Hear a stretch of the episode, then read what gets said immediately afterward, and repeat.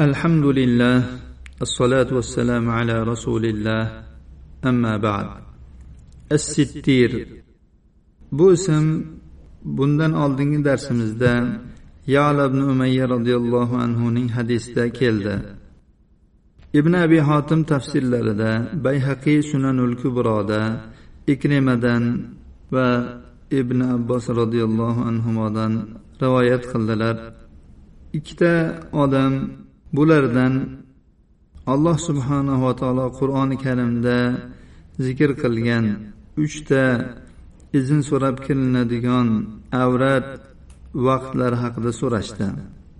Alloh taolo nur surasida uch vaqtda bomdoddan oldin peshindan keyin va uftondan keyin ya'ni odam dam oladigan kiyimlarini yechib alishtiradigan va hokazo bir o'rinlarda izn so'rab kirishga buyurgan. Ibn abbos dedilar alloh sittirdir ayblarni berkituvchidir. U satrni yaxshi ko'radi.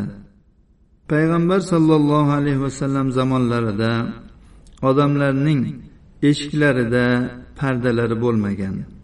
Uylarni ichida chimildiqlari ham bo'lmagan. Kishining xizmatchisi farzandi yoki uning qo'l ostidagi yetim bola kishi ayoli bilan birga bo'lib turgan holatida qo'qqisdan kirib qolish holatlari bo'lgan.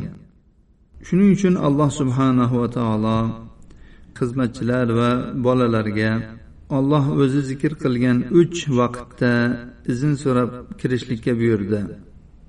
So'ngra vaqt o'tishi bilan alloh taolo odamlarni pardalariga ham erishtirdi. Ya'ni alloh taolo ularga rizqni keng qilib berdi. Odamlar pardalar tutishdi va uylarni ichida chimildiqlar tutdilar.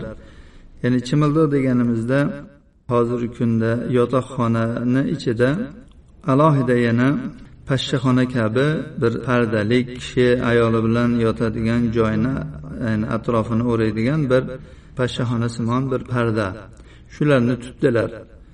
Odamlar shu endi izn so'rab kirish o'rniga o'tadi kifoya qiladi. Endi izn so'rab kirmasalar ham bo'ladi deb o'yladilar.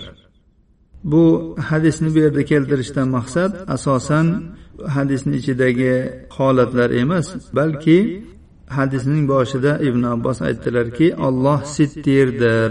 Allohning sittir ismini zikr qilish. Alloh subhanahu va taoloning ismi sittirdir. Odamlar o'rtasida sattor ya'ni abdus sattor deb ism qo'yishlar bor. Sattor alloh taoloning ismlaridan emas balki sittir alloh taoloning ismlaridandir. Alloh taoloni sattor deyish xatodir. Shuning uchun agar ism qo'yiladigan bo'lsa abdussittir deb qo'yish kerak bo'ladi. Abdus sattor xato. Sattor ismi na qur'onda va na hadisda sobit bo'lgan. Sittirning ma'nosi bandalarni juda ham ko'p satr qiluvchi degani. Sittir siyg'ay mubolag'a. U ularni bandalari o'zlarini o'zlarini satr qilishlari o'zlarini sharmanda qilmasliklari o'zlarini orga qo'ymasliklarini yaxshi ko'radigan o'rinlarda u bandalarini sharmanda qilmaydi. Bu alloh taoloning fazli marhamatidir. Alloh taoloning bandalariga hilmi va karamidir.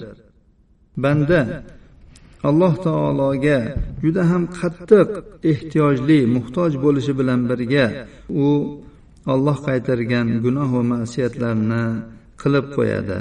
Rob subhanahu va taolo esa bandalarning hammasidan va ularning toat ibodatlaridan behojat bo'lgan holida bandasini hurmat qiladi uni satr qiladi va uning aybini ochishdan uni sharmanda qilishdan va unga qilgan gunohi uchun uqubatni tushirishdan hayo qiladi. Balki alloh taolo unga satr sabablarini ta'minlab beradi. Uni gunohni qilib qo'yganidan keyin nadomat va tavbaga muvaffaq qiladi. O'zi esa uni afu qilib gunohlarini kechiradi.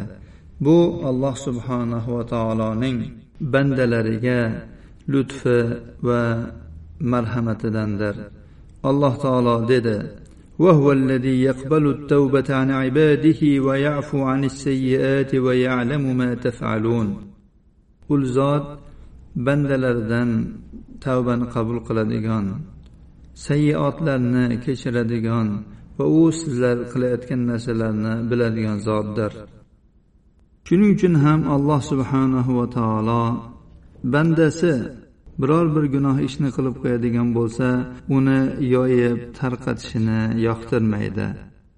Balki alloh taolo bu bandani modomiki uning ustida alloh taoloning pardasi tushib turar ekan u bilan ya'ni banda o'zi bilan olloh o'rtasida allohga tavba qilishga chaqiradi. Bu qilgan ishini odamlardan biror kishiga izhor qilishga emas. Odamlarning alloh taologa eng yomon ko'rilgani kechasida gunoh ishni qilganda alloh taolo uni satr qilsayu ertalabda turib olib allohning pardasini yirtgan odamdir. Sahihaynda abu hurayra roziyallohu anhudan rivoyat qilingan dedilar سمعت رسول الله صلى الله عليه وسلم يقول كل أمتي معافى إلا المجاهرين وإن من المجاهرة أن يعمل الرجل بالليل عملا قد ستره الله فيقول يا فلان عملت البارحة كذا وكذا وقد بات يستره ربه ويصبح يكشف ستر الله عنه. Abu hurayra aytadilar men rasululloh sollallohu alayhi vasallamni shunday deyayotganlarini eshitdim. Ummatimning hammasi ofiyatdadirlar ya'ni gunohlari kechirilgan ofiyatdadirlar. Faqat gunohlarni ochiq oydin odamlarning ko'z o'ngida qiladigan odamlar bundan mustasnodirlar ya'ni ular ofiyatda emaslar. Kishi tunda bir ishni qilishi olloh esa uni satr qilishi. U ertalabda turib olib ey falonchi men kecha falon falon ishlarni qildim deb aytishi gunohni ochiq qilish jumlasidandir. Robbi subhanahu va taolo uni kechasi bilan satr qildi. U esa ertalabda turib alloh taoloning pardasini ochyapti. Bu hadisdan bilinyaptiki gunohni ochiq qilish gunoh deganda faqat zinoni yoki odam o'ldirishni shunga o'xshagan narsalarni tushunish to'g'ri emas. Gunoh katta bo'lsin kichik bo'lsin hammasi gunoh. Harom narsalarni yeyish bo'ladimi ichish bo'ladimi ko'rish bo'ladimi? Buni odamlarni oldida ochiq oydin uyalmasdan qiladigan odam ollohning ofiyatidan mahrumdir. Olloh mehribonligidan uni satr qilsa satr qilingan ishini ertasiga borib oshnasiga dugonasiga maqtangan odam gunohni ochiq oydin qilgan odam bilan barobar ekan. Allohning bandalarini satr qilish ularni ayblarini yashirish ularni ayb pardalarini yirtishdan va ularni ortlaridan josuslik qilish bu ham shu ma'no ostiga kiradi. Ya'ni ayblarni oshkor qilish ma'nosi ostiga kiradi. Sahihaynda ibn umar roziyallohu anhuning hadisidan rivoyat qilingan.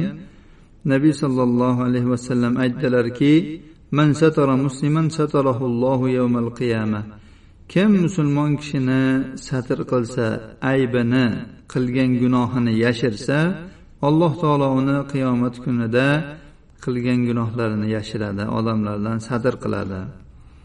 اللهم استر عيوبنا وأوراتنا واغفر ذنوبنا وزلاتنا واختم بالصالحات أعمالنا وأعمارنا ey olloh bizning ayblarimizni va uyatli ishlarimizni o'zing satr qilgin gunohlarimizni toyilishlarimizni kechirgin va bizning amallarimizni va umrlarimizni solih amallar bilan yakunlagin هذا وصلى اللهم على نبينا محمد وعلى آله وصحبه وسلم.